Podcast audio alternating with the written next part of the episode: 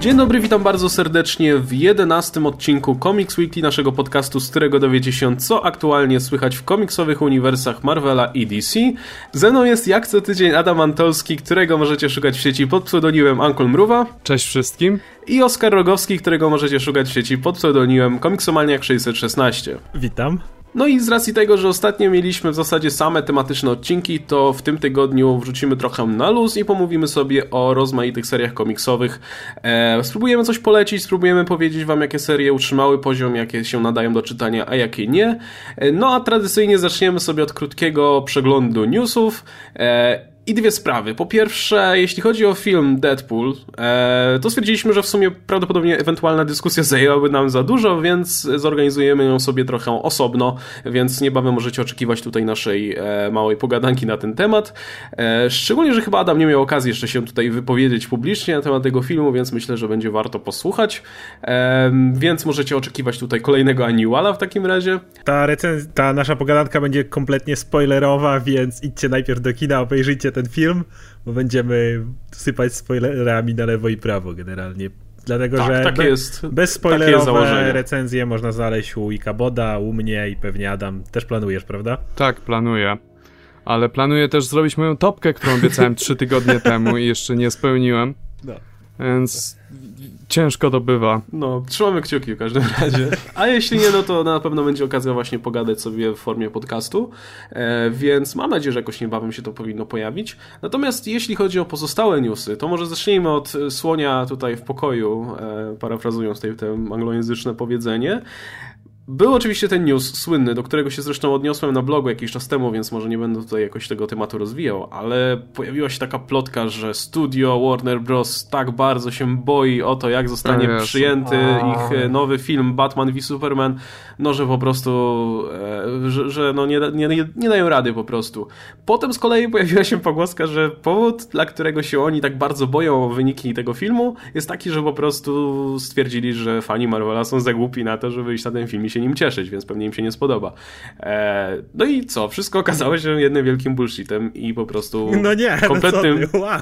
przeinaczeniem, przeinaczeniem słów kogoś, kto w ogóle nie jest oficjalnie związany z Warner Bros. i tak dalej. No po prostu świetna plotka. Ale załóżmy na moment, załóżmy na moment, że studio Warner Bros. ma lekkie obawy odnośnie tego filmu. Czy uważacie, że mają jakieś powody i ten film może faktycznie zostać gorzej przyjęty z racji tego, że jest trochę inny, albo że będzie zbyt poważny, zbyt mroczny i tak dalej? Czy, czy, czy to w ogóle nie powinni się o to obawiać i film będzie hitem tak czy inaczej, no bo tam jest Batman i Superman? To znaczy, ten news pierwszy raz wypłynął od gościa o, imieniu Drew McQueenie. On pracował swego czasu w Ain't It Cool News i z tego co ja dobrze pamiętam, jeśli dobrze pamiętam, to jest jeden z gości, który wypuszczał spoilery do Phantom Menace, takie bardzo akuratne. Więc gościu ma wtyki w Hollywood. To też nie jest tak, że jest to kompletny no-name, który nie wiadomo skąd się wziął i jakieś dziwne teorie wygłasza. E, I oczywiście, że Warner jest nerwowo tak dużo postawili na szali, zapowiedzieli tak dużą ilość filmów i jeśli ten jeden im nie wyjdzie, Batman v Superman, bardzo ciężko będzie uruchomić to wielkie uniwersum DC. Bardzo ciężko będzie wystartować z Ligą Sprawiedliwością i wszystkimi tymi solowymi e, filmami, podczas gdy, wiesz, jak popatrzysz na Man of Steel, Man of Steel był bardzo kontrowersyjnym filmem, bardzo wielu ludzi miało problemy z nim, nie wszystkim się podobało. Tutaj z naszej trójki tylko jest jeden obrońca tego filmu. Zatem, i to nie jestem ja. Zatem, no oczywiście, że są zdenerwowani. Nie sądzę, żeby to była obawa. E, nie sądzę, żeby obawa wynikała z tego, że fani Marvela są zbyt głupi i tego nie kupią. Pamiętajcie o tym, że istniało coś takiego jak Mroczny Rycerz i był gigantycznym hitem i sprzedał się doskonale, więc nawet przyjmując tą narrację, że filmy Marvela są głupie, niektóre są, niektóre nie, nie chcę o tym, argu nie chcę o tym się kłócić, e, to, to po prostu się nie trzyma kupy.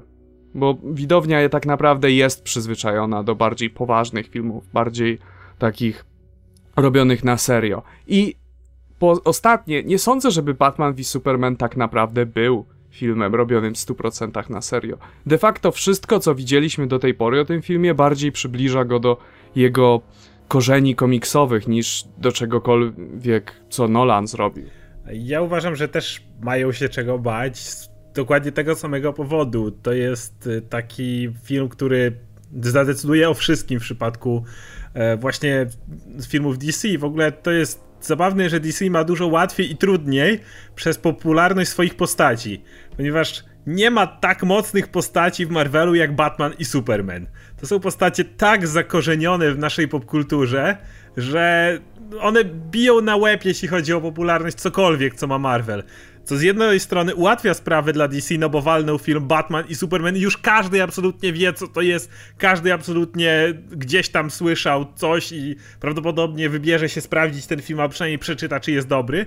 A z drugiej strony właśnie wszystko od tego zależy. Jak Batman i Superman nie wypalą, to nie ma mowy o Flashu, Aquamanie i tak dalej, żeby... Znaczy, będą pewnie dalej próbować, jeżeli by nie wypaliło, ale to już będzie naprawdę tak pod górkę, że... No, niesamowita naprawdę ciężar w zrobieniu tych filmów, kiedy Marvel miał dużo łatwiej, bo zwróćcie uwagę, że Hulk, który był za obok Ironmana wcale nie wypalił dobrze, ale to nie, nawet mimo tego, że Hulk, że Iron Man, to nie były nawet postacie w podobnej skali co Batman i Superman.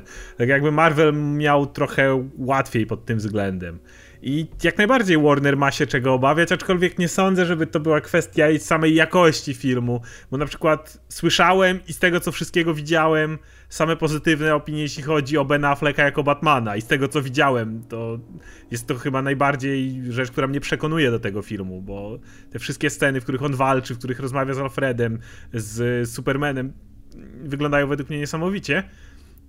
No więc nie sądzę, żeby sama jakość tego filmu była jakąś taką obawą, co jako takie przyjęcie właśnie ze względu na to, że od tego wszystko zależy, czy ich taka maszynka do, do drukowania pieniędzy, którą już ma Marvel i kto wie, może właśnie dostał Fox, e, ruszyła, ruszy im czy nie, także no, wydaje mi się, że to jest naturalne po prostu. Aczkolwiek w pierwszym newsie, tym od właśnie Drew McQueenie, było tak powiedziane, że E, nic w tym filmie nie działa poza Batmanem Afflecka. Tak, tak, właśnie z tego co pamiętam w tym materiale mówił, że, że fakt, że o, wszystkie opinie odnośnie Batmana są pozytywne, no i że w związku z tym Warner będzie, jeśli ten film nie wypali, to Warner będzie po prostu pakował wszystkie swoje zasoby w Batmana, żeby na tym Batmanie jakoś to uniwersum pociągnąć. Co i tak Ale nie zapominajmy o tym, nie zapominajmy o tym, że w tym właśnie pierwotnym newsie, tym z którego się wszystko wzięło, idą jakby dwa wątki. Pierwszy z nich to jest o tym, że właśnie gościu usłyszał od kogoś ze studia, że się niepokoją, że się martwią, że zaczynają pokazywać ten film ludziom, tak jest powiedziane. Nie jestem pewien, czy to oznacza trailery, czy to oznacza jakieś pokazy testowe. W każdym razie, pierwszy wątek jest taki, że studio się boi. A drugi wątek w tym newsie był na tym, co Drew myśli, że się stanie w tym momencie jakie kroki podejmie Warner w związku z tym. I o ile ta pierwsza sprawa jest całkiem prawdopodobna, jestem całkiem przekonany, że jest tam, wiesz, dużo ludzi, którzy obgryza paz obgryzają paznokcie i się, i wiesz, i cały czas trzymają pięści, żeby się tylko udało, żeby się tylko udało.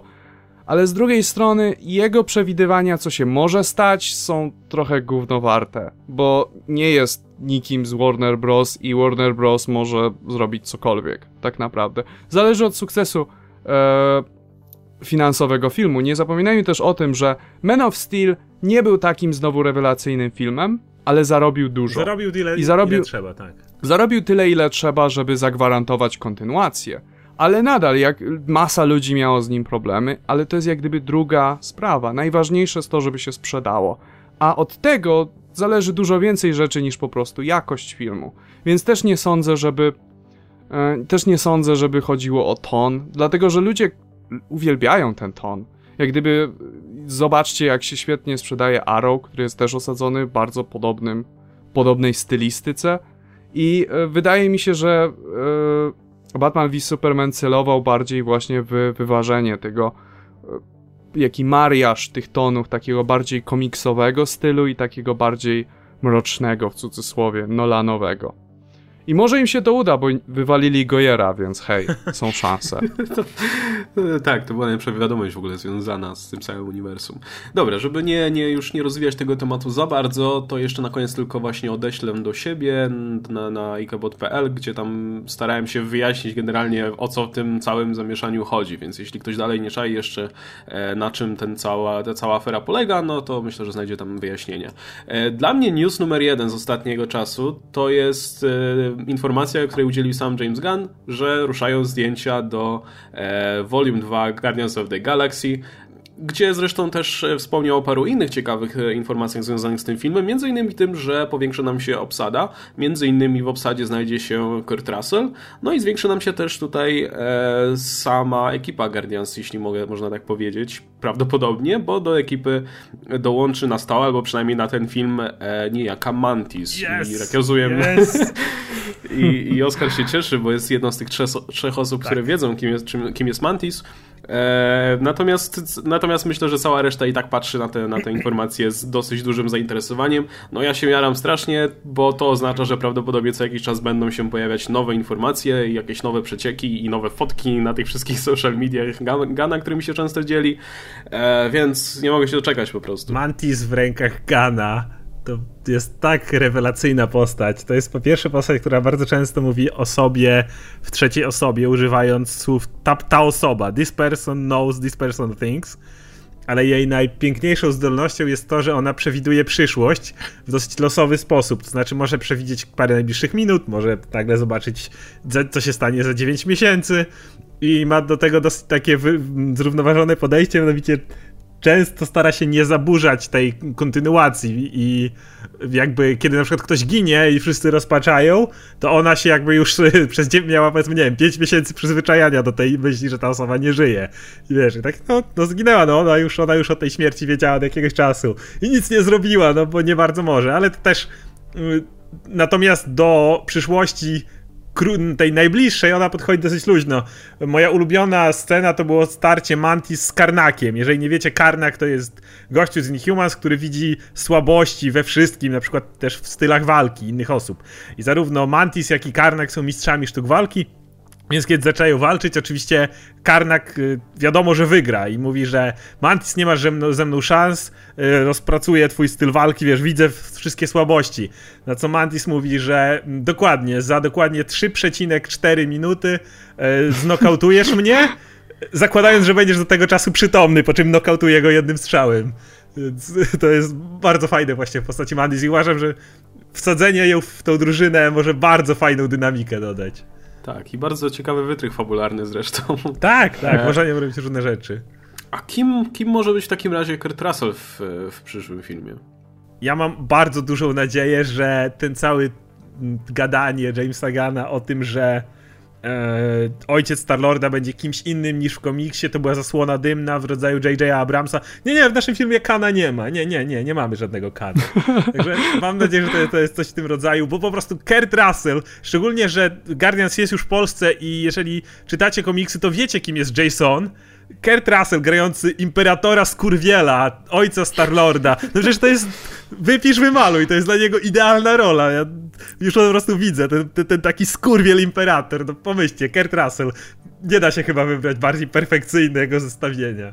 Poza tym nawet są podobni. Tak, No tak, pasują po prostu idealnie. Tylko, że Gunn cały czas zaprzecza. No to tak nawet pod tym jego newsem, e, który publikował się na Facebooku, ktoś napisał, że no idealny Jason.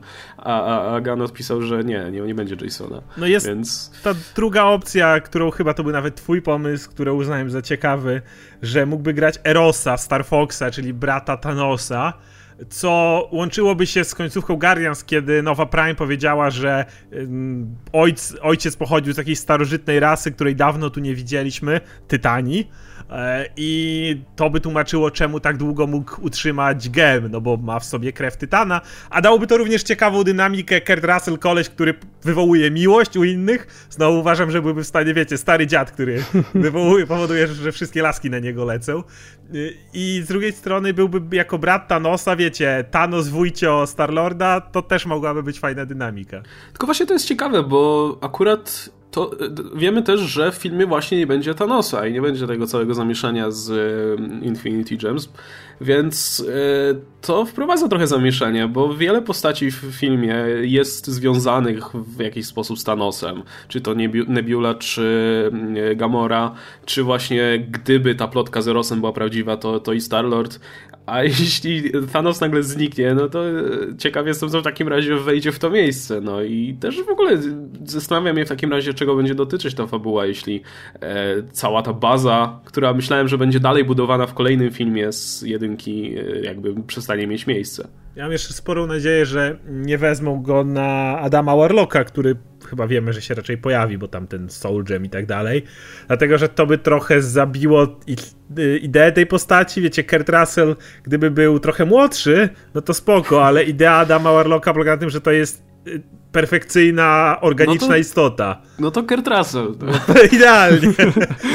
On ma być taką, wiesz, zakończeniem ludzkiej ewolucji ma być Adam Warlock niejako. No więc y, koleś, który no, się być trochę Jezusem, a ja chętnie zobaczę y, nie, no, Russella w roli trochę, kosmicznego Jezusa. Trochę na to za stary i trochę bym nie chciał, żeby on był zresztą ojcem Starlorda, ale, ale najbardziej bym chciał oczywiście zgodnie z komiksem, no Kurt Russell, skurwiel Imperator, no. Dla mnie tak, to jest po prostu mówiąc, wymarzone połączenie. Mnie dla mnie też zdecydowanie. Kolejna rzecz, jaka wyskoczyła nam tutaj ostatnimi czasy, to trailer Daredevila, e, który zapowiada drugi sezon już niebawem w marcu.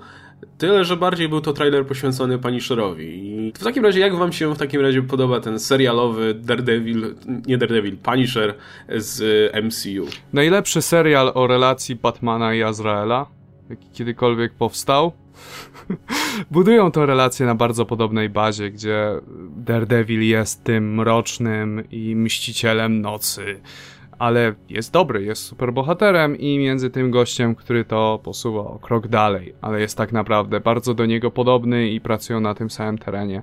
I przez ogląd oglądając cały czas ten serial myślałem właśnie o Batmanie. Zresztą oglądając cały serial w ogóle myślałem o Batmanie, nie tylko o ten trailer. I tak, jestem ciekaw, co, co się pojawi. Zresztą bardzo mi się podobał pierwszy sezon. I myślę, że to będzie też pierwszy raz, kiedy adaptacja Punishera nie będzie obrażała mojej e, inteligencji. Ja natomiast oglądając ten e, trailer myślałem o trochę innym komiksie. To pewnie was zaskoczy, ale jego tytuł był Daredevil vs. Punisher. Nie wiem. Okej. Okay. Nie, tak. Nie wiem dlaczego, ale nie takie no. skojarzenia mnie naszły, jak oglądałem ten, ten, ten, ten trailer. W każdym razie miałem obawy co do Johna Berntala jako Punishera. Jak go przedstawiali, ja byłem bardzo nieprzekonany, a ten trailer mnie naprawdę przekonał. Te wszystkie sceny, w których on tak.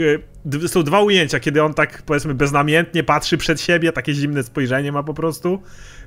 Zobaczyłem w tym właśnie te, tego Franka Castle, który jest już tak zdeterminowany, on już, już jest tak pewny siebie. To nie jest koleś, któremu kiedykolwiek wytłumaczysz, nie wiem, przekonasz go do tego, żeby zmienił swoje podejście. I uważam, że Berntalowi to, jeżeli ten trailer ma być przedstawieniem tego, jak, jakim Punisherem będzie, no to będzie dokładnie takim Punisherem, jak, jakiego ja bym chciał zobaczyć. No i jeszcze ten trailer oczywiście pokazał, szczególnie jeszcze dzisiaj wyszła ta taka migawka, jak to nazwać, z Daredevilem przywiązanym łańcuchami do chyba komina na dachu. To jest bezpośrednio wyjęty e, fragment, chyba Witaj w domu, Frank, tak mi się wydaje, tak się nazywa ten komiks gdzie ta scena będzie dokładnie żywcem wyjęta. Wydaje mi się, że gdzieś mieli fragmenty w trailerze, mm, kiedy Punisher stoi na dachu, celuje ze snajperki do jadącego gangstera, któremu go ma się odbyć proces i Daredevil jest z tyłu przywiązany łańcuchem i pyta Punishera, czemu on to robi, a pa Punisher dał mu spluwę i powiedział, jak chcesz mnie powstrzymać, to musisz strzelić mi w głowę i tylko tak mnie zatrzymasz. Daredevil nie chce tego zrobić, a Punisher mu tłumaczy, że dla niego zabijanie przestępców to jest dokonywanie właśnie takiego wyboru każdego dnia, że albo ja strzelę, albo oni strzelą. No to jest zresztą bardzo dobra scena, więc chętnie właśnie Ewidentnie jest w tym serialu. Widać. No i muszę powiedzieć, że zapowiada się to naprawdę dobrze. A jeszcze Elektra była, zdaje się, na krótko w tym trailerze, gdzie można było posłuchać jej tego cudownego, zmysłowego głosu. Eee, I myślę, że, że, że Elektra serialowa na pewno odniesie ogromny sukces. Chyba drugi trailer. Postaci. Wydaje mi się, że oni to tak podzielili, bo mają być dwa duże trailery i chyba chcieli w tym pierwszym skupić się na Punisherze. Wierzę, że drugi będzie skupienie na Elektrze, bo to będą dwie duże postacie. I wydaje mi się, że tutaj zobaczyliśmy porachunki gangów, jakby to będzie część serialu, no ale umówmy się, nie można oprzeć 13 odcinków na ganianiu się z Punisherem, bo to będzie nudne, jak zrobił pewien inny serial Netflixa na ganianiu się z jednym złoczyńcą.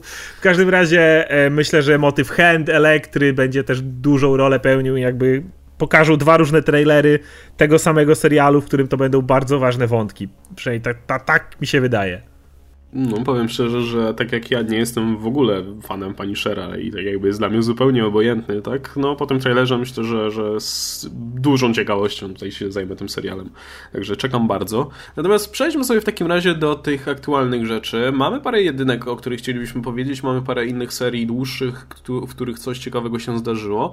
I ja może zacznę od tego, że powoli, powoli startuje nam e, nowy event w Marvelu, e, związany głównie z Avengers i z S.H.I.E.L.D., z tymi wszystkimi mm, komiksami, które są z tymi dwiema, powiedzmy, wielkimi drużynami związane.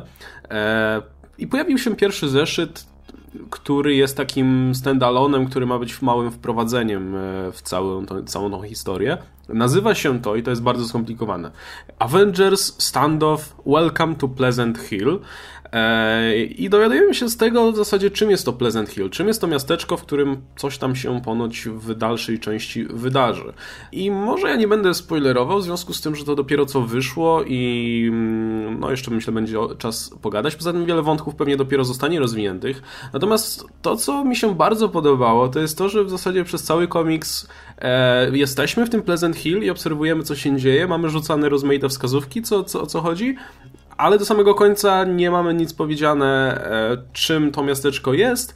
No i powiem szczerze, że trochę się tego domyślałem, ale i tak e, cały ten finał był no, całkiem, całkiem zaskakujący. Wracają pewni starzy znajomi, e, starzy przeciwnicy, którzy prawdopodobnie wracają też w związku z tym, że się pojawią w filmie niebawem, przynajmniej jeden z nich. I nowa, e, w no, nowej serii prawdopodobnie. I w nowej serii no, Thunderbolts. Zresztą Thunderbolts ma bezpośrednio wyjść z, ze standoff, ma, ma ta seria brać swój początek właśnie w tym evencie, więc nic dziwnego. No i widać już, generalnie cały zeszyt zaczyna się też od e, powrotu Bakiego na ziemię, bo Baki do tej pory był, e, robił za nim... Człowiekiem na ścianie. Tak, człowiekiem na ścianie robił, robił to, co wcześniej robił Nick Fury, czyli stał na, na jakiejś planetoidzie i strzelał z e, jakiejś wielkiej spluwy do, do obcych, którzy akurat planują inwazję na ziemię. Tak tak, eliminował im lidera. Znaczy była w zasadzie ta taka maksymalnie psychodeliczna seria, nie, gdzie nie. Bucky po prostu latał po różnych planetach, odwiedzał Asgard między innymi, e, odwiedzał Namora i, i czytało się to świetnie, szczególnie nie, nie na trzeźwo. Oddałem się. Bo inaczej się nie dało po nie prostu. dałem rady. To się nazywało, jak to się nazywało? Bucky, Bucky Barnes the Winter Soldier po prostu. Winter Soldier. I to jak gdyby ktoś chciał sobie sprawdzić, jak wygląda maksymalnie kwasowy komiks, jaki był wydawany przez w kilku ostatnich latach, to polecam. W każdym razie, no Bucky będzie z powrotem tutaj na pierwszym planie w uniwersum Marvela, bo filmy, tak myślę. E, do niego pewnie w przyszłości dołączą szybko dwaj kapitanowie Ameryka, no i będziemy mieli tę całą ekipę. W każdym razie ten pierwszy zeszyt myślę, że, że mogę polecić, bo naprawdę był czymś innym. E, ten event na razie nie zapowiada się jak typowa napieprzanka między bohaterami. Może tak się stanie, ale póki co e, trochę fajnie, całkiem fajnie to budują moim zdaniem. Mnie bardzo ciekawi, czy ten, bo ten event ma poruszyć pewien spory, prawdopodobnie dylemat moralny, żeby nie spoilować za dużo, e, do jakich, jak daleko można się posunąć, żeby zapewnić bezpieczeństwo jakby to powiedzieć, przed złoczyńcami. O tak, żeby za dużo nie spoilerować. Tak, to, jest, to jest kwestia, która była już prominentna powiedzmy w, w tym drugim filmie z Kapitanem Ameryką w Zimowym Żołnierzu. Tyle, że mówimy tutaj o świecie Marvela, gdzie powiedzmy agencje takie jak S.H.I.E.L.D. Tak. mają o wiele większe środki do dyspozycji, tak, o wiele tak. bardziej szalone pomysły. Zresztą e, fajna rzecz w tym komiksie i mam nadzieję, że, że w całym evencie, to jest to, że on łączy wątki, które się już pojawiały w niektórych innych komiksach. W Kapitanie Ameryce na przykład. W Kapitanie Ameryce na przykład ten motyw z tym informatorem, który samowi sprzedawał wszystkie informacje,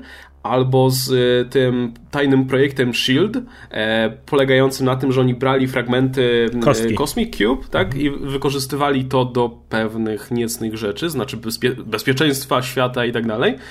Plus być może w tej serii dowiedzieliśmy się, co się stało z Bruce'em Bannerem, bo, bo to jest bo, tajemnica w, w Bo to jest tajemnica Hulku, tak. w, w, serii Totally Awesome Hulk dowiadujemy się tylko, że Bruce'a Bannera nie ma. Tam dostajemy od e, czasu do czasu flashbacki, ale one są... I właśnie, dostajemy flashbacki, że on, on przyjmuje na siebie jakąś wielką dawkę promieniowania, żeby uratować, nie wiem, świat.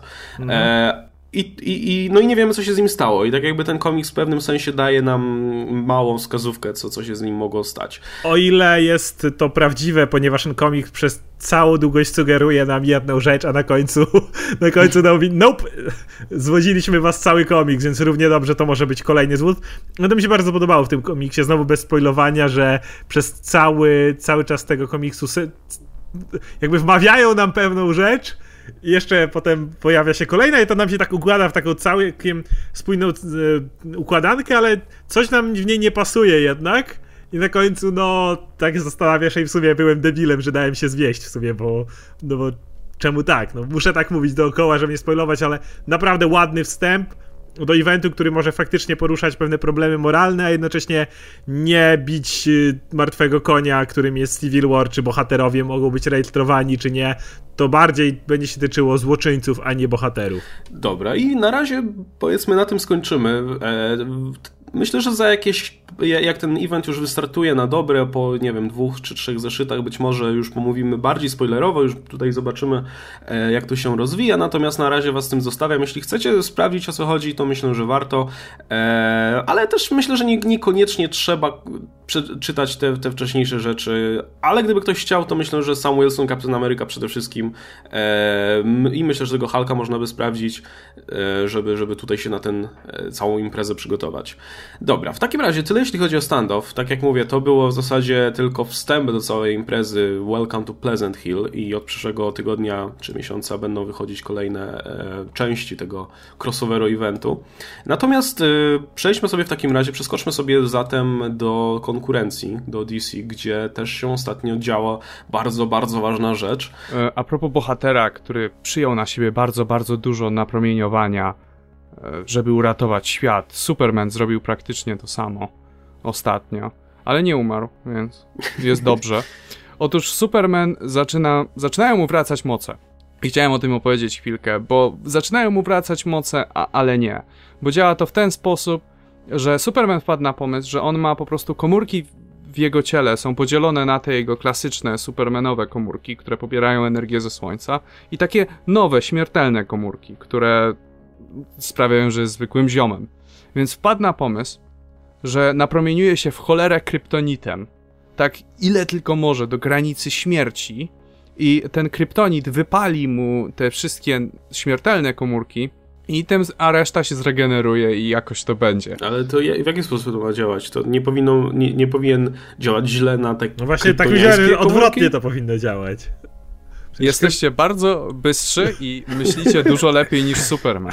Bo Superman ewidentnie tego nie przemyślił, bo dokładnie to się stało. Świetnie. Cóż, no, nie jest on najlepszym detektywem na świecie, no. Ale okazało się, że Kryptonit też zawiera jakąś wewnętrzną energię.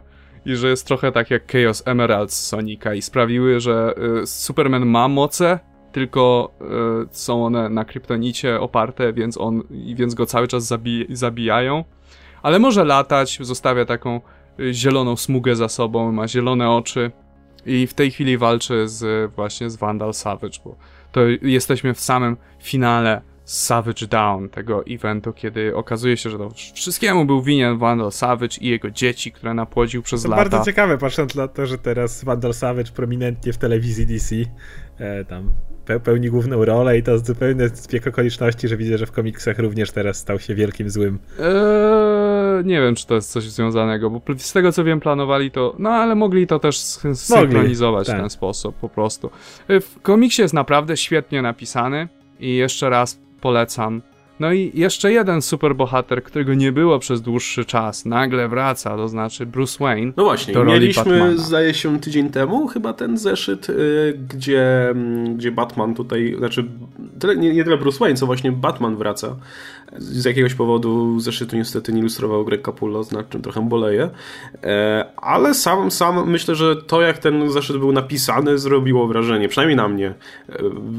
Te sceny z Alfredem, który tak za wszelką cenę nie chciał dopuścić do tego, żeby Bruce z powrotem mhm. został Batmanem. Za chwilę jeszcze będziesz miał okazję wyjaśnić tutaj mhm. science, dlaczego w ogóle Batman wrócił, ale jeszcze chciałem wcześniej właśnie powiedzieć, że w sposób, w jaki to było napisane, bardzo, bardzo mi przypadł do gustu tak. właśnie rola Alfreda. E, no i to, jak ten, jak Bruce, mimo tego, że miał tutaj szczęśliwe życie na ziemi z powrotem i tak dalej, to, to, to jednak widząc, co się dzieje z tym Mysterem Bloomem i tak dalej, to, to postanowił, że zaryzykuje życie i stanie się z powrotem Batmanem. No, taki typowy, typowy, powiedzmy, wątek z komiksu superhero, nie oszukujmy się, ale moim zdaniem był na tyle sprawnie napisany z taką fajną miłością do bohatera, że e, no, bardzo mi się podobało. Tylko powiem, że to chyba była końcówka poprzedniego numeru Batmana, kiedy on dobijał się Alfredowi do domu.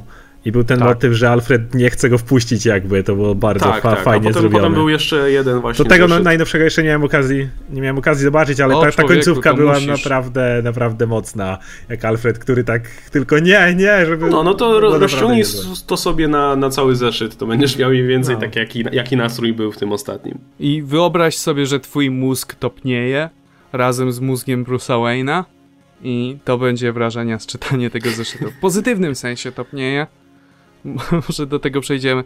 E, czy czytaliście e, Detective Comics, e, ten, który był na f, e, Free Comic Book Day rozdawany?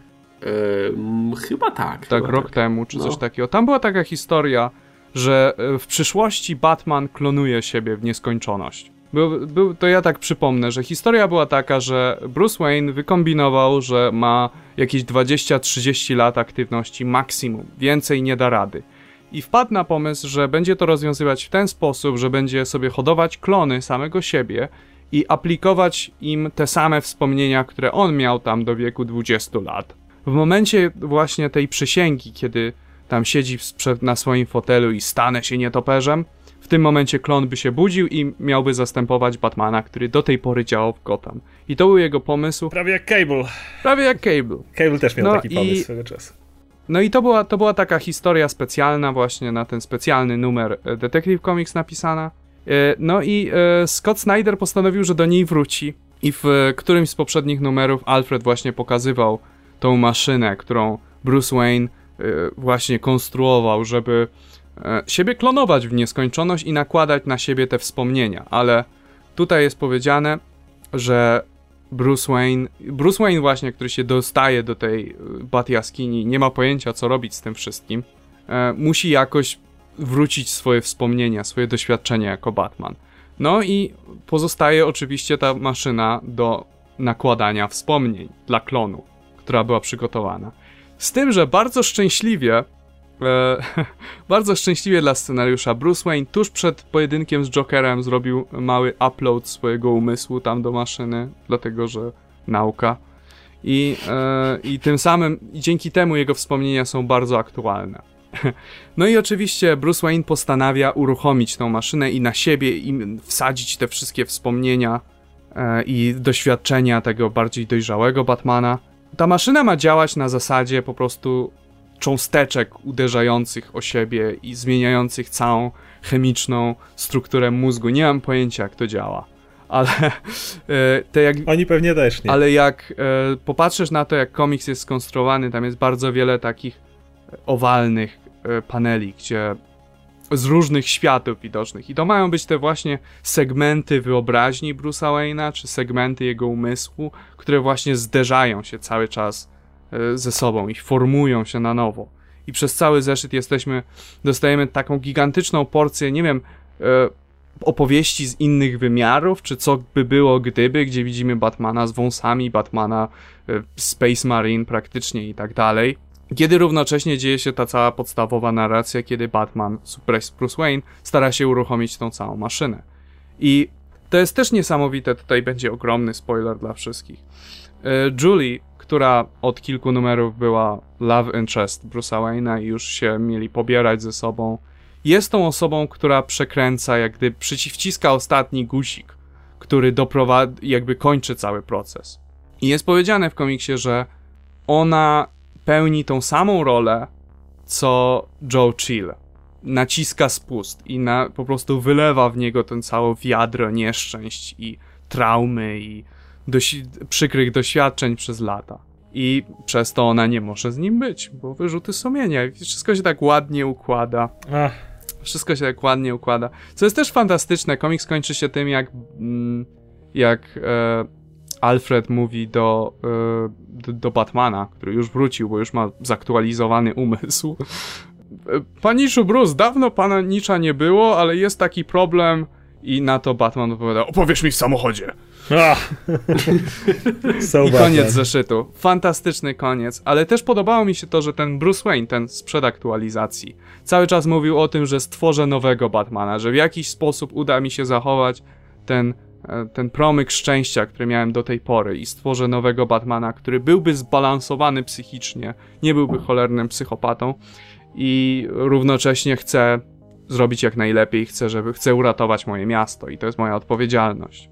I generalnie zeszyt był rewelacyjny. Polecam. Warto przeczytać wszystkie nudne zeszyty z Jimem Gordonem, do, tylko po to, żeby dojść do tego finału, bo jest naprawdę rewelacyjny. To prawda, też bardzo właśnie gorąco polecam. No, super mi się to czytało. A to jeszcze nie koniec zresztą tego samego story arku. Ale więc... z jakiegoś powodu mu nie wierzę, że będzie zbalansowanym Batmanem. Nie wiem dlaczego, ale mam wrażenie, że ta seria mam wrażenie, że jednak chodziło o to, żeby przywrócić trochę ten status quo i wydaje mi się, że mogę się mylić, ale chyba nie będą chcieli pisać innego Batmana.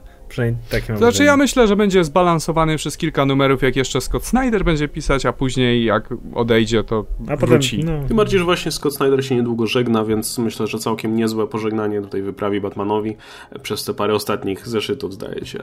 E, dobra, tyle jeśli chodzi o Batmana w takim razie, więc wróćmy na moment do, do Marvela.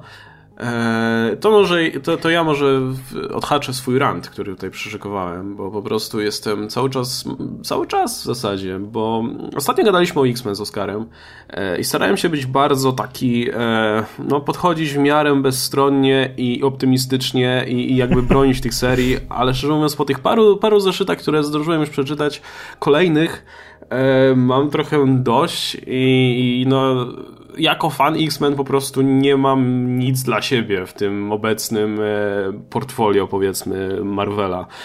Poza, nie wiem, All New Wolverine albo Old Man Loganem, które trzymają All poziom, ale one się dzieją tak jakby trochę na boku, ale one są bardzo fajnie, bardzo fajnie pisane. Widać, że po prostu autorzy mają trochę wolności i mogą sobie rzeźbić w tych postaciach, jak im się podoba.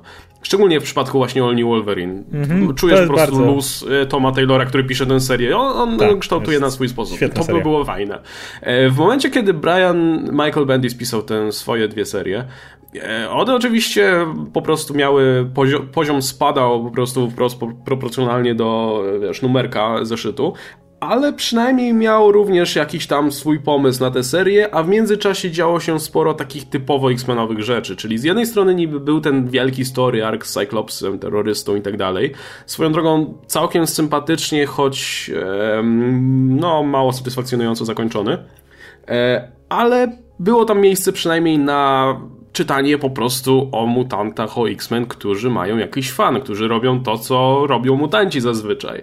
Były, były, były, była seria Wolverine and X-Men, gdzie oni sobie siedzieli w szkole, ci wszyscy młodzi mutanci. Była seria Amazing X-Men, gdzie można było, gdzie, gdzie były takie po prostu bardzo oldschoolowe przygody X-Men. Takie klasyczne, klasyczne historie Ogólnie bardzo. było masa zabawy w tym wszystkim, była masa różnorodnych historii, po prostu nawet jeśli sama seria e, sała, to przynajmniej było o czym czytać, no i były postacie, które lubiłem. Były postacie, które były ciekawe i, i akurat jeśli chodzi o dialogi, czy tam relacje między nimi, to akurat Bendis pisał to całkiem nieźle. Teraz to wygląda tak, że mamy cały czas ten bullshit z tym Terrigenem, że Terrigen wpływa na mutantów i oni nie mogą się rozmnażać i w ogóle chorują i umierają. Czyli wiadomo, dzień M2.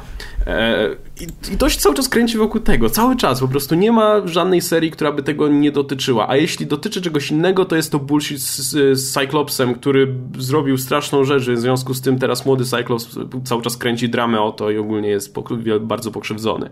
Więc tego się nie chce czytać, bo masz dosyć po prostu jęczenia tych młodych mutantów, jakim bardzo źle. Z drugiej strony masz Extraordinary X-Men, tą flagową serię, gdzie cały czas masz o Terrigan i siedzimy w tym limbo po prostu zamknięci w innym wymiarze, bo ludzie nas nie lubią i w ogóle umieramy i tak dalej.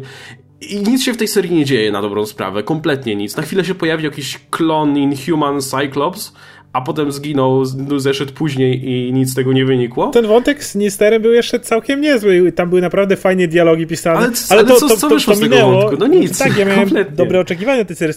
Jak ostatnio rozmawialiśmy o Extraordinary X-Men, to mówiliśmy, że to całkiem niezła no tak, seria, tak. bo ona nagle nabrała wiatru w żagle i ostatni odcinek, ostatni zeszyt był tak o niczym, tak o niczym, tak nudny. Tylko właśnie problem w tym, że, że był ten wątek z tym Mr. Sinisterem, który porwał niektórych mutantów i przy okazji eksperymentował, stworzył takiego mm, e, Inhuman mutanta Cyclopsa, ale nic z tego nie wynikło właśnie. To ci, co się uratowali, to się uratowali. E, okazało się, że nie wiem, Nightcrawler jest w jakimś ciemnym miejscu teraz w ogóle jest, e, ma traumę wielką i cały ostatni zeszyt to było wędrowanie po głowie Nightcrawlera, z czego też nic nie wynikało, kompletnie nic. I to wyjaśnili dlaczego, ale to było takie... To znaczy, ten, ten motyw mogli użyć. Znaczy, ja uważam, że sam motyw był bardzo fajny, ale sposób, w jaki do niego doszli, spowodował, że nie mieliśmy absolutnie żadnego emocjonalnego przygotowania do tego, jakby. Przez co. Meh. Natomiast uważam, że można było tego naprawdę dobrze użyć w trochę przypominało to z, motyw z Deadpoola Good, Bad and Ugly, ale właśnie tam zostało to bardzo ładnie doprowadzone do tego punktu, kiedy tutaj walnęli nam tym w twarz i mamy się przejmować, no ale to takie no... To ja może przytoczę jak to wyglądało. Wędrujemy sobie po głowie Nightcrawlera, w którymś momencie docieramy do wielkiego dołu wypełnionymi tak. zwłokami, koniec. I to spowodowało, I że Nightcrawler... to się dzieje, nie wiem, na jednej stronie, tak, więc... Więc, więc, nic kompletnie, wiesz... I to spowodowało, że Nightcrawler ma traumę. Okay. Tak, koniec, koniec. Co to za zwłoki? Eee, mutanci. Zabici mutanci, bo ludzie się boją, że mutanci chorują przez ten terigen i że będą zarażać czymś złym ludzi, więc zaczynają zabijać mutantów i Nightcrawler ratując pewną grupkę mutantów dowiaduje się, że to nie jest pierwsza grupka wyprowadzona do lasu, po czym patrzy w lesie wielki dół, a tam masa ciał mutantów. I to samo w sobie można byłoby naprawdę dobrze wiesz, masa trupów leży, to faktycznie może wpłynąć na psychikę. Tylko niekiedy dostajemy taki kadr w twarz, tak pyk masz gdyby to było jakoś mocno przygotowane, gdyby w tym komiksie było jakaś, jak, jakieś wprowadzenie do tego i na przykład gdybyśmy myśleli o różnych motywach i na końcu dostali coś takiego, efekt byłby zupełnie inny, a tymczasem, nie wiem, Storm z Jean chodzą mu po głowie, wspinają się na wielkiego Cyclopsa. po prostu no, ale właśnie to jest też inna kwestia, że, że ten zeszyt, gdzie podróżujesz po psychice innej postaci, to byłby taki, to, to byłby taki dobry materiał do jakiegoś, wiesz, psychotonicznego tripu. Gdyby ktoś to dobrze zilustrował, jak pamiętam czytanie na przykład y, New X-Men Morrisona, gdzie Quietly rysował podróże po, po głowie, e, nie pamiętam kogo, profesora chyba?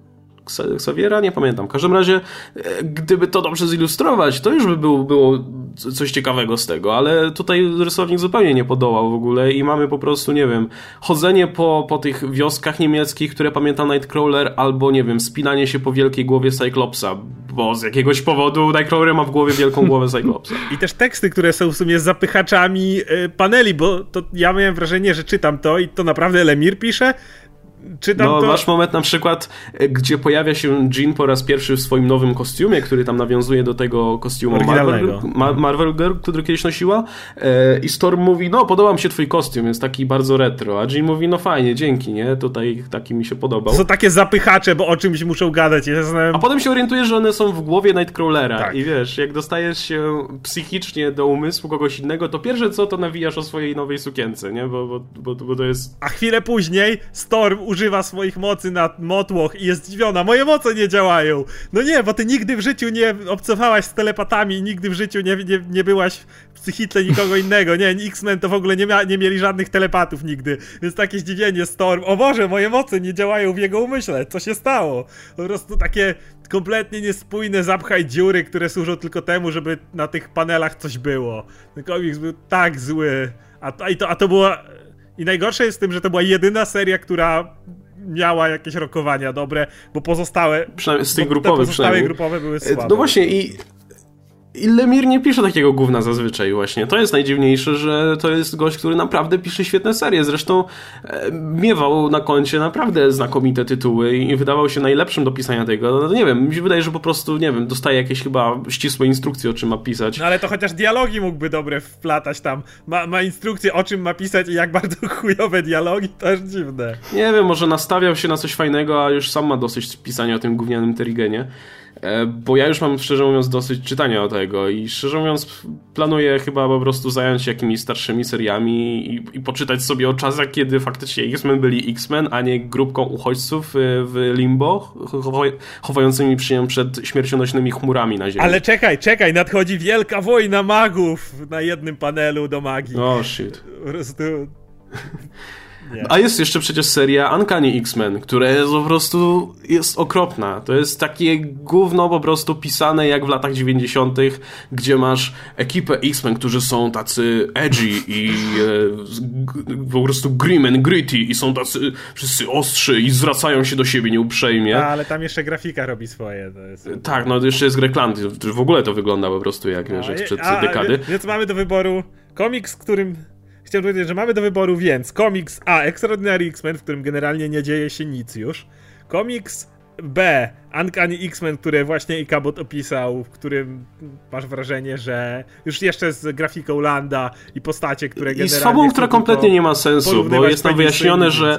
Tam jest wyjaśnione, że taka grupa złych e, e, Inhumans, tak, nie, atakuje... to są mutanci Inhumans mutanci, razem, mutanci Inhumans, tak, którzy, wcześniej. którzy atakują e, mutanci healerów a, I potem Psylocke to tłumaczy w jakiś konkretny sposób, który nie ma kompletnie żadnego sensu i, i tyle. I obserwujesz po prostu, jak oni atakują kolejnych tych. E, a w międzyczasie masz jeszcze ten gówniany wątek z Archangelem, który z jakiegoś powodu nagle wrócił do życia jako bezmózgi dron i wiesz, że będzie niedługo apokalipsem, bo po prostu to jest oczywista sprawa. Ale, e... ale to nie koniec, masz jeszcze właśnie trzecią serię, o której również wspomniałeś, gdzie możesz poczytać, jak smutny jest młody Cyclops, że stary Cyclops był taki zły.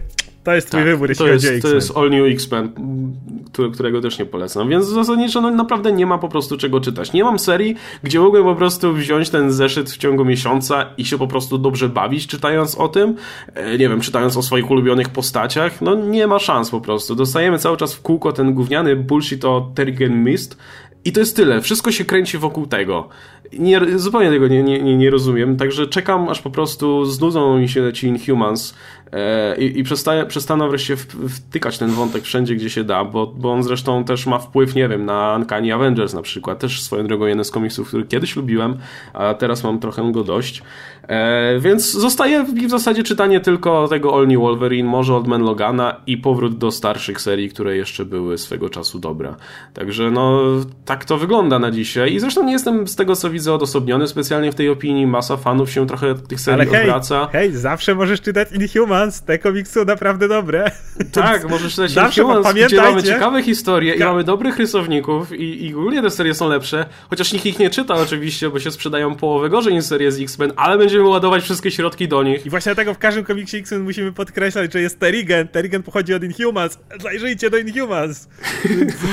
to tak wygląda. Ale to jeszcze tak, serie Inhumans są naprawdę dobrze napisane, ładnie połączone, fajne dialogi, fajne intrygi. Najnowsze Uncanny Inhumans, które jest nawiązaniem... To jest w ogóle ciekawe też, że, osta... że bardzo często są teraz nawiązania do Secret Wars. Te wszystkie tajny, które były kompletnie bezsensowne i dalej uważam, że są bezsensowne, ale jakby pomysły stamtąd przechodzą dalej, tak jakby to były jakieś takie prototypy, można powiedzieć. Teraz czytając to, co się dzieje teraz w Marvelu właśnie na bazie Inhumans, czy A-Force, y, czy jeszcze paru innych y, zeszytów, mam wrażenie, że Secret Wars to była tak naprawdę taki jakby stół kreślarski, gdzie oni sobie po prostu rzucali pomysłami i co się... Tak, bo masa, się, masa tych rzeczy wraca teraz. Tak, jako w innej formie trochę. To nie jest tak, że to są jakieś kontynuacje. Znaczy A-Force w pewnym sensie tak, ale cała reszta to nie są kontynuacje tego, co było w Secret Wars, tylko mamy wrażenie, że to na zasadzie o, ten, ten pomysł był fajny, wrzućmy go teraz, a tamten nie, to go nie piszmy. Tak jakby ej, Secret Wars to była taka wielka burza mózgów, w której testowali grunt pod nowe historie. Więc w Inhumans znowu to wraca, ale to jest fajnie pisane, no, no mówię. Chyba kosztem X-Men niestety. No, zdecydowanie kosztem X-Men. Dobra, tyle, tyle mojego narzekania. E, w takim razie pomówmy w taki, o czymś przyjemniejszym. E, Adam, jakbyś mógł polecić jakiś dobry komiks DC w takim razie? Coś, co mogłem czytać, zamiast X-Men na przykład. Swoją drogą ja chyba wrócę sobie po prostu do They're Not Like Us, czyli tej serii z Image, która jest o mutantach, tylko że o telepatach, tylko że nie. I, I, będę czytał to po prostu. Jeśli chcesz czytać coś zamiast X-Men, to polecam Titans Hunt, dlatego że jest dużo kolorowych bohaterów i jest nic nie ma sensu I są... A są, podróże w, a są podróże w czasie i teen drama, która jest się ciągnie drama, przez ileś tam zeszytów? Jest, Bo ja tego jest szukam. Jest drama i nie do końca są podróże w czasie, ale jest przeszłość, której nikt nie pamięta i sobie powoli przypominają. I to są takie flashbacki wewnątrz flashbacków i to ci tak samo niszczy mózg jak dobra podróż w czasie, więc polecam. Okej, okay. okej. Okay. Szczególnie w ostatnim numerze Teen Titans. E, e, oczywiście Grayson wrócił do roli Nightwinga w swojej najnudniejszej wersji kostiumu, czyli tej z New 52. Ale jest kilka takich fajnych momentów, kiedy właśnie uświadamiają sobie, że kiedyś byli grupą, tylko wszyscy zapomnieli i zaczynają szukać, prawda, iść po swoich dawnych śladach i idą do jakiejś miejscowości, gdzie kiedyś działali. E, pytają się, pytają się tam w mieście porucznika, policji i tak dalej i w pewnym momencie Nightwing wyskakuje nie bójcie się, obywatele! Robin, Aqualad i Wonder Girl mają wszystko w swojej garści. Zaraz, co ja powiedziałem? I tak cały czas jest komiks. Ja wiem, że to jest. Wiem, że to brzmi irytująco, jak tak mówię, ale yy, budują tak, zaczynają to, zaczyna to się formować w dobrą intrygę. Kiedy na początku to było po prostu uuu, ciągłość wsteczna, uuu, historia. Na poczo- teraz zaczyna to tworzyć autentyczną intrygę i zaczynamy jak gdyby cofać się razem z nimi w ich przeszłość i zaczynamy poznawać historię Teen Titans, taką bardzo skrótową, oczami Teen Titans, którzy zapomnieli o tym. Więc zaczyna się, hmm. więc seria zaczyna się robić naprawdę dobra i te wszystkie dziwactwa, o których kiedyś opowiadałem, zaczynają mieć sens, co dla mnie jest po prostu fantastycznym, e, fantastyczną rzeczą w komiksie. E, ja chciałbym polecić od siebie jakiś komiks, może nie dla fanów X-Men, zresztą wiem, że Łukasz, tobie się nie podobał ten komiks, ja chciałbym jeszcze, żebyś powiedział swoją opinię na ten temat. A, ale Swamp, znaczy Swamp nie, wiesz co, ja się, ja się chętnie wstrzymam, bo, bo ja tak mówię, przeczytałem tylko pierwszy zeszyt i co tak, to jakby średnie podstawy do oceniania całego komiksu, e, ale jeszcze pragnę do niego wrócić, bo mi się bardzo podoba na przykład Swamp Thing, ten poprzedni e, z New 52, z, e, pisany przez Snydera i potem przez Soula zdaje się, więc klimaty mi się generalnie podobały, więc e, jeśli, więc sprzedaj mi ten komiks. O, znaczy ja ci go nie będę w stanie sprzedać, dlatego że to jest jak gdyby odejście od tego Swamp Thinga Alana Mura, odejście od Swamp Thinga Snydera. To jest Swamp Thing z lat 60., 70., mhm. pierwotny, palpowy, głupi horror Swamp Thing, który po prostu jest potworem, który mieszka w bagnach i z racji tego, że jest dobry, to i także super bohaterem, bo to też się sprzedawało lat wtedy, to także rozwiązuje problemy ludzi, ale wszystkie mają jakiś motyw horrorowy, jak na przykład tutaj pierwszy ark, bo do tej pory są dwa zeszyty, to jest to, że e, jeden student został zmieniony w zombie, dlatego że no, na jego uczelni robili praktyki okultystyczne, bo to są rzeczy, które ludzie robią na uczelni. Tak. E, Masz dużo czasu. Ale jest, szczególnie jak się oglądało Buffy. Ale wszystko jest napisane takim bardzo staromodnym stylu. Masz te wszystkie bloczki narracyjne wszędzie nałożone, które nadają taki ton i musisz je sobie w głowie czytać takim głębokim głosem.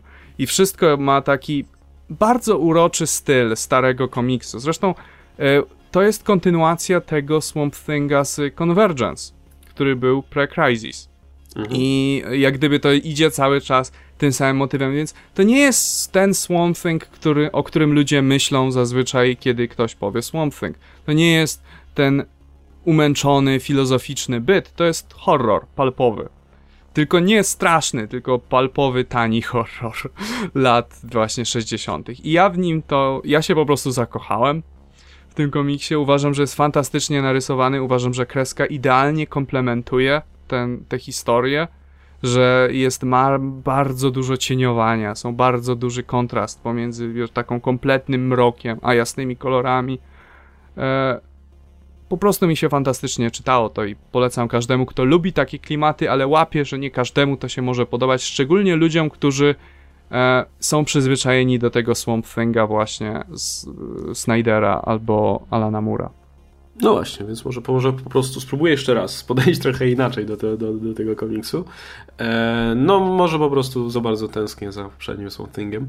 Dobra, to w takim razie, Oskar, twoja kolej. Poleć w takim razie jeden z tych ostatnich, aktualnych komiksów, coś z nowości. Pierwsza rzecz, którą chciałbym tylko wspomnieć, to Spider-Man i Deadpool, bo ostatnio, jak gadaliśmy o Deadpoolu, to mocno zjechałem ten komiks, bo pierwszy numer był naprawdę słaby, drugi jest nie tyle... Czyli mamy dzisiaj taką edycję po prostu naprawiania tak, błędów tak, tak. i pod Titan's Hand będziemy teraz e, A z kolei z X-Men jest tutaj w drugą stronę, bo chwaliliśmy, a teraz trzeba było zjechać. No więc no tak ze Spider-Manem na szczęście to jest też ta dobra zmiana. Kurde, nie lubię tego słowa. W każdym razie w, e, e, to Kelly i drugi, druga część, drugi zeszyt jest naprawdę rewelacyjny. Tam Spider-Man robi z siebie takiego totalnego idiotę i buca, który ciągle krzyczy na Deadpoola, a w końcu zdaje sobie sprawę, że Deadpool może jednak nie jest taki zły i tak nie, o sorry, sorry, tak cię jechałem i w ogóle masz tutaj, miałeś rację. A wiesz, a Spider-Man cały czas no, niszczył Deadpoola, ale nie, naprawdę jest dobrze zrobione. To jest ten Deadpool, którego lubimy, który wydaje się, że tam bo był ten motyw, że on chce zabić Petera Parkera i z jednej strony było to dla, dla mnie dziwne, no bo Deadpool już nie jest gościem, który sobie odstrzeli gościa tylko za kasę, ale no tu jest to głębsze, ponieważ on dostaje informację o tym, że Parker Industries robi eksperymenty nielegalne na ludziach i generalnie chce to sprawdzić najpierw, zanim odstrzeli Parkera, co już jest bardziej Deadpoolowe, nie? I, i fajnie jest ze sobą jakoś tam zazębione. Przy okazji jest cameo Milesa Moralesa, którego oczywiście Deadpool cały czas poniża, mówiąc, że z nim nie będzie rozmawiał, bo to nie jest prawdziwy Spider-Man, to jest to dziecko. Nie, nie, nie, nie, ja z tobą nie rozmawiam. Albo na przykład przy Peterze mówi, że nie będę ci mówił, bo tutaj on jest i ja nie chcę, to sprawa między nami, a on to nie. Że mogę ten, ten, ten komiks czystym sercem polecić.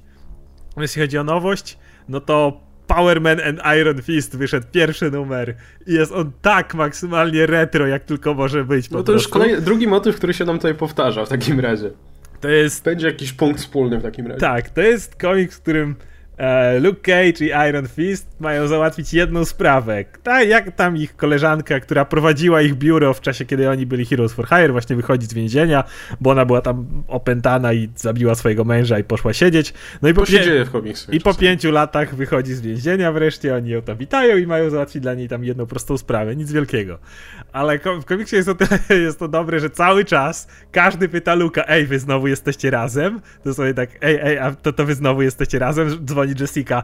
Ej, Luke, gdzie jesteś? A z danym coś załatwiamy. Mm, czy wy jesteście znowu razem? Podkreślam, mówi to jego żona.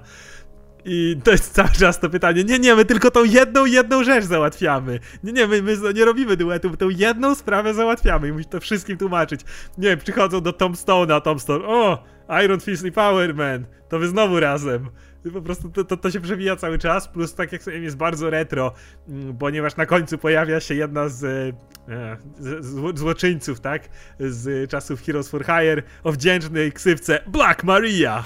Po prostu te nazwy już tylko czekam. To jest taką wielką, wielką czarną babą taką I ona jest Black, Black Maria i po prostu czekam, aż pojawi się na przykład Cottonmouth, który był Alfonsem z takimi stalowymi zębami i chodził cały czas w takim pimpcoacie.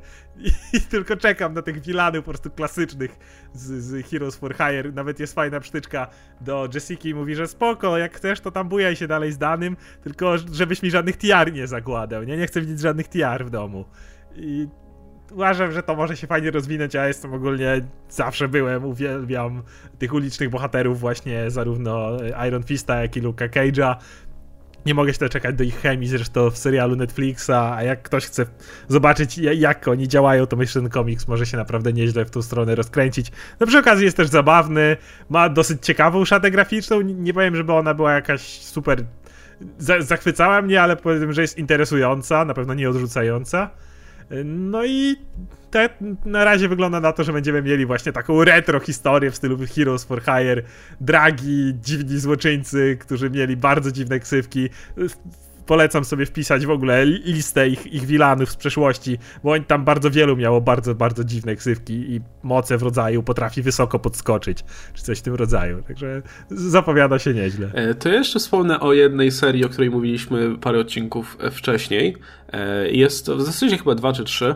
Jest to Squadron Supreme, bo ostatnio dostaliśmy trzeci zeszyt I pamiętacie, jak mówiłem o tym jako odpowiedniku, Marvelowym odpowiedniku Injustice?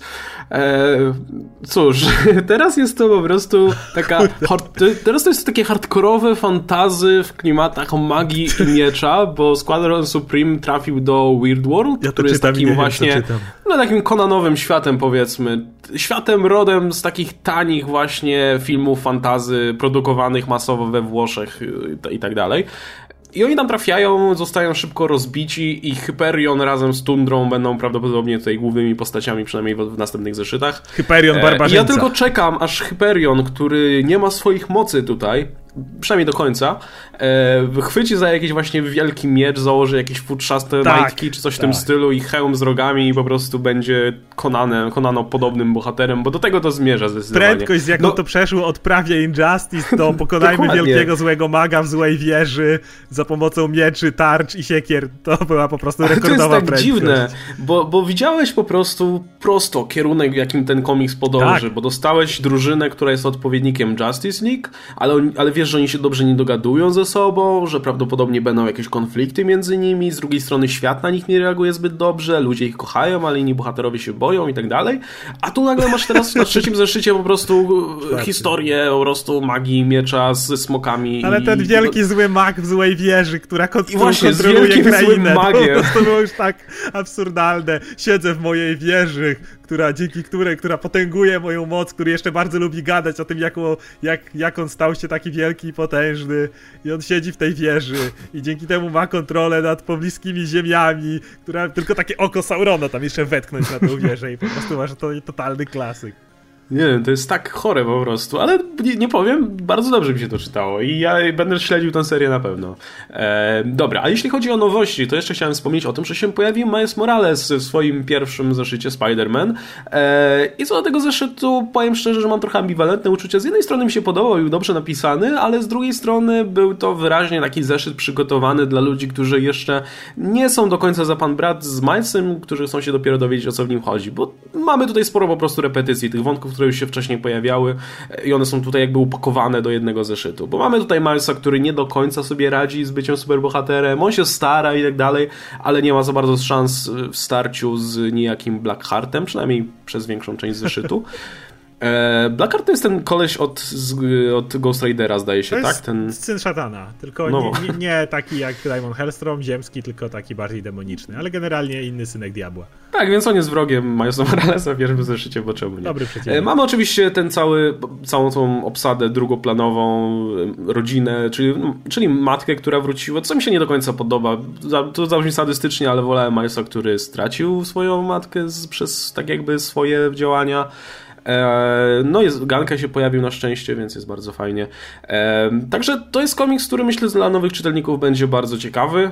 Natomiast jeśli ktoś zna Milesa, no to może przeczytać, ale na pewno nie będzie jakoś specjalnie zachwycony. Natomiast ostatnia strona na pewno, e, yes. gdzie się yes. pojawia Peter Parker yes. i nie jest specjalnie zadowolony, nie wygląda specjalnie zadowolonego, więc myślę, że oni tutaj pewnie będą sugerować jakiś konflikt między nimi, ale skończy się tak, że pewnie się pogodzą i wspólnie ruszą, ruszą do akcji. E, także cóż, no, jeszcze... moim zdaniem do, dobre, całkiem niezłe otwarcie. I co jeszcze? To jeszcze, skoro byliśmy właśnie w temacie komiksów retro, to muszę jeszcze o jednym komiksie wspomnieć, czyli Ultimates, odcinek czwarty. Jeżeli ktoś jest fanem twórczości Jacka Kirby'ego, tej takiej, wiecie, końcówka 60., początek 70., no to Ultimates jest po prostu takim idealnym odtworzeniem e, na dzisiejsze czasy tego, co robił Kirby. Powiem wam, że tam drużyna Ultimates przemieszcza się przez strefę neutralną, próbując wylecieć na zewnątrz wszechświata, co nie podoba się Eternity, który wynajmuje Galactusa, żeby ich ścigał. E, jeżeli to wam nie brzmi jak Kirby, to ja nie wiem, co mogłoby brzmieć. Więc y, to jest po prostu taki. Aha, jeszcze po drodze spotykają, jak on się nazywał? Antiman, tak? Antiman, tak. Antiman, nazwa w ogóle cudowna, który jest tam uwięziony gość stworzony z materii negatywnej, a jego przeciwieństwem jest Blue Marvel. Nie, to Blue Marvel jest negatywnej. Dobra, wszystko mi się pierwszy w tej chwili. W każdym razie mówię, i oni chcą wylecieć dalej bardziej za wszechświat niż ktokolwiek zrobił to do tej pory. Więc to jest po prostu. Jakbym wziął Kirby'ego, stare komiksy, które są oczywiście wypełnione narracją i tłumaczeniem, co dzieje się na każdej ramce i tak dalej, zaktualizował to na, do dzisiejszego stylu pisania, kiedy tego generalnie nie ma, no to to jest właśnie Ultimate. No mówię, idea Eternity, który na końcu prowadzi rozmowę z Galactusem i mówi, że no nie podoba mi się to, że oni tam lecą, Galactus weź leć ich złap, który właśnie został odmieniony, bo Galactus jest teraz tym, wiecie, co życie przynosi. Więc to jest tak, no od razu kojarzy mi się z 70. Kirby, więc jak ktoś był fanem, to muszę polecić. A propos kosmosu, ja chciałbym jeszcze coś od siebie wspomnieć o nowościach dlatego że w ostatnim numerze Merchant Manhuntera dostaliśmy trochę wyjaśnienia, co się właściwie działo do cholery, bo czytając ten komiks można nie mieć do tego stuprocentowej pewności, ale dowiadujemy się, e, bo w fabule tego komiksu e, Merchant Manhunter zdał sobie sprawę, że jest starożytną bronią masowego rażenia wysłaną przez Marsjan, żeby zniszczyć Ziemię, więc żeby temu zapobiec, to roz członkował się jakby na kilka różnych osobowości, się porozstawiał na, w różnych częściach Ziemi. I dowiedzieliśmy się e, trochę na temat Marsa, dowiedzieliśmy się trochę na temat tego, właściwie kim w psychice Manhuntera są te poszczególne osobowości. I dowiedzieliśmy się, że Mr. Biscuits, czyli ten taki dziwny gościu z majtkami na głowie, który cały czas gada o biszkoptach, co jest nawiązaniem do starej obsesji E, Johna na punkcie Oreo e, jest jego podświadomością. I dostajemy jeszcze kilka i dostajemy jeszcze kilka wskazówek. Myślę, że ten komiks będzie starał się, tak samo jak Titans Hunt, trochę związać bardziej e, historię z tym, co było wcześniej. A czy to jest dobre? Jest ok. Tyle mogę powiedzieć. Nie jestem w stanie powiedzieć, bo nie jestem jeszcze do końca pewien, do czego to zmierza. E, może być bardzo rozczarowujące zakończenie od tego momentu. A może być bardzo dobrze, więc powiem ci na jednym z następnych odcinków. A jakbyś miał wybrać jeden tytuł, który czytasz aktualnie z DC, e, który uważasz za absolutnie najlepszy, jaki byś powiedział? Batman? No bez zaskoczeń w tym momencie. E, Batman stoi na bardzo wysokim poziomie, dopóki jeszcze Scott Snyder nad tym pracuje. E, bardzo mi się też podoba e, Green Lantern Corps Edge of Oblivion. To jest miniseria, którą pisze Tom Taylor i opowiada właśnie o drużynach Zielonych Latarni, którzy są więzieni w innym uniwersum, które już umiera. I e, jest to napisane z jego charakterystycznymi elementami humoru i zaczyna się tutaj też budować ciekawa intryga.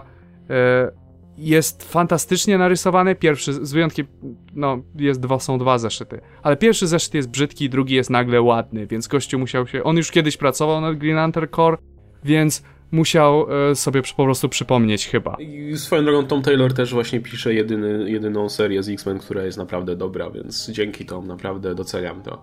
Eee, o, dobra, Oskar, to pytanie to samo do ciebie. Jakbyś miał wybrać jedną serię, która jest twoim zdaniem absolutnie najlepsza póki co e, z tych, które czytasz, to jaka by to było? Jedna seria byłaby ciężka do wybrania, tym bardziej, że one wychodzą bardzo w nierównych ilościach. Na przykład mógłbym powiedzieć, że bardzo podoba mi się Herkules, ale ile go były? Trzy numery? Więc tak nie do końca można to obiektywnie oceniać. Musiałbym powiedzieć, że to jest Iron Man, chociaż ostatni numer nie był aż tak dobry, miał połowę niepotrzebnej historii według mnie o Rodim, ale drugą część całkiem niezłą z Doktorem Doomem i Iron Manem. Jeżeli to był wyjątek od reguły, niestety to Bendis, więc mam wrażenie, że to może być już oznaka przyszłości. Natomiast jeżeli miałem powiedzieć jeden komiks, który cały czas trzyma równy poziom i chociaż inne komiksy miewały lepsze pojedyncze zeszyty, no to byłby Amazing Spider-Man, którego ja po prostu kocham zawsze. Peter Parker, który wreszcie się rozwinął, mówiłem o tym, w, nie wiem, co drugim Comics Weekly i do tej pory utrzymuje poziom, to już ma 8 zeszytów, żaden nie był naprawdę słabszy. I chociaż tak jak mówię, zdarzały się komiksy, w których mogę na przykład powiedzieć, że właśnie Herkules czy Vision miał parę jakichś momentów, gdzie mnie bardziej zachwycił niż ogólnie seria Spidermana, to jednak jest to 8 równych numerów, który każdy następny czyta mi się równie przyjemnie jak poprzedni, więc to chyba byłby mój wybór. I jeszcze ja na koniec w takim razie powiem, że gdybym ja miał wybierać i miałbym polecić właśnie z czystym sumieniem jeden komiks, to nie, no nie będę specjalnie oryginalny, to dla mnie dalej byłby Ant-Man i zresztą czekam strasznie mocno na kolejny zeszyt, gdzie jest Cassie na okładce, więc mam nadzieję, że wrócimy trochę do Cassie bardziej. A z nowych serii e, ciężko powiedzieć. Chyba sam Wilson Captain America cały czas mi się podoba. Może ten ostatni zeszyt był ciut słabszy, ale dalej, dalej moim zdaniem trzymał poziom. No i ten motyw z tymi kap krwiożerczymi kapitalistami w, w strojach e, węży. Był bardzo, bardzo mi się podoba. Chociaż mam nadzieję, że, że sam już e, niedługo wróci do normalnej ludzkiej postaci, bo trochę mi się... mnie cały czas dziwi, że tak długo to ciągnie. Ja byłem, jak zobaczyłem tę układkę z Wilkołakiem samym, że to zrobią, nie wiem, dwa numery, wiesz, cały czas sam jest Wilkołakiem, what the fuck. To jest trochę... Mm, nie chciałbym widzieć w tym czegoś dziwnego, ale wiesz, masz czarnego superbohatera, który przez większość czasu nie jest czarnym superbohaterem. Jest czarnym wilkołakiem. Tak, e... czarnym wilkołakiem. Ale masz tam jeszcze Misty Knight, która jako jedyna kopie tyłki w, tej serii. Swoją więc... drogą, skoro mówiliśmy dzisiaj o świetnych postaciach typu Black Maria, czekam na Black Werewolf w takim razie nowego, nową postać. A, no i właśnie jeszcze a propos, mamy nowego Falcona, w, bo też ta tak, seria nam tak, przedstawiła tak. nowego Falcona, który nie I Red właśnie... Wing zdradził sama, jak on mógł. I, tak, i nowy, nowy Falcon, który zresztą jest naprawdę człowiekiem e, sokołem, ma skrzydła I pióra i w ogóle szpony ale, i Ale Red Wing, jako, jak on mógł, mi serce mi pękło, jak I on Red przeleciał więc... do niego, to było takie smutne. no, samowy już nie jest do końca potrzebny, więc... To w takim razie kończymy ten odcinek i widzimy się standardowo oczywiście za tydzień w kolejnym Comics Weekly. E, dzięki wielkie za udział, chłopaki. Był z nami Oskar Rogowski. Cześć. I Adam Antolski. Cześć wszystkim. Trzymajcie się, do zobaczenia.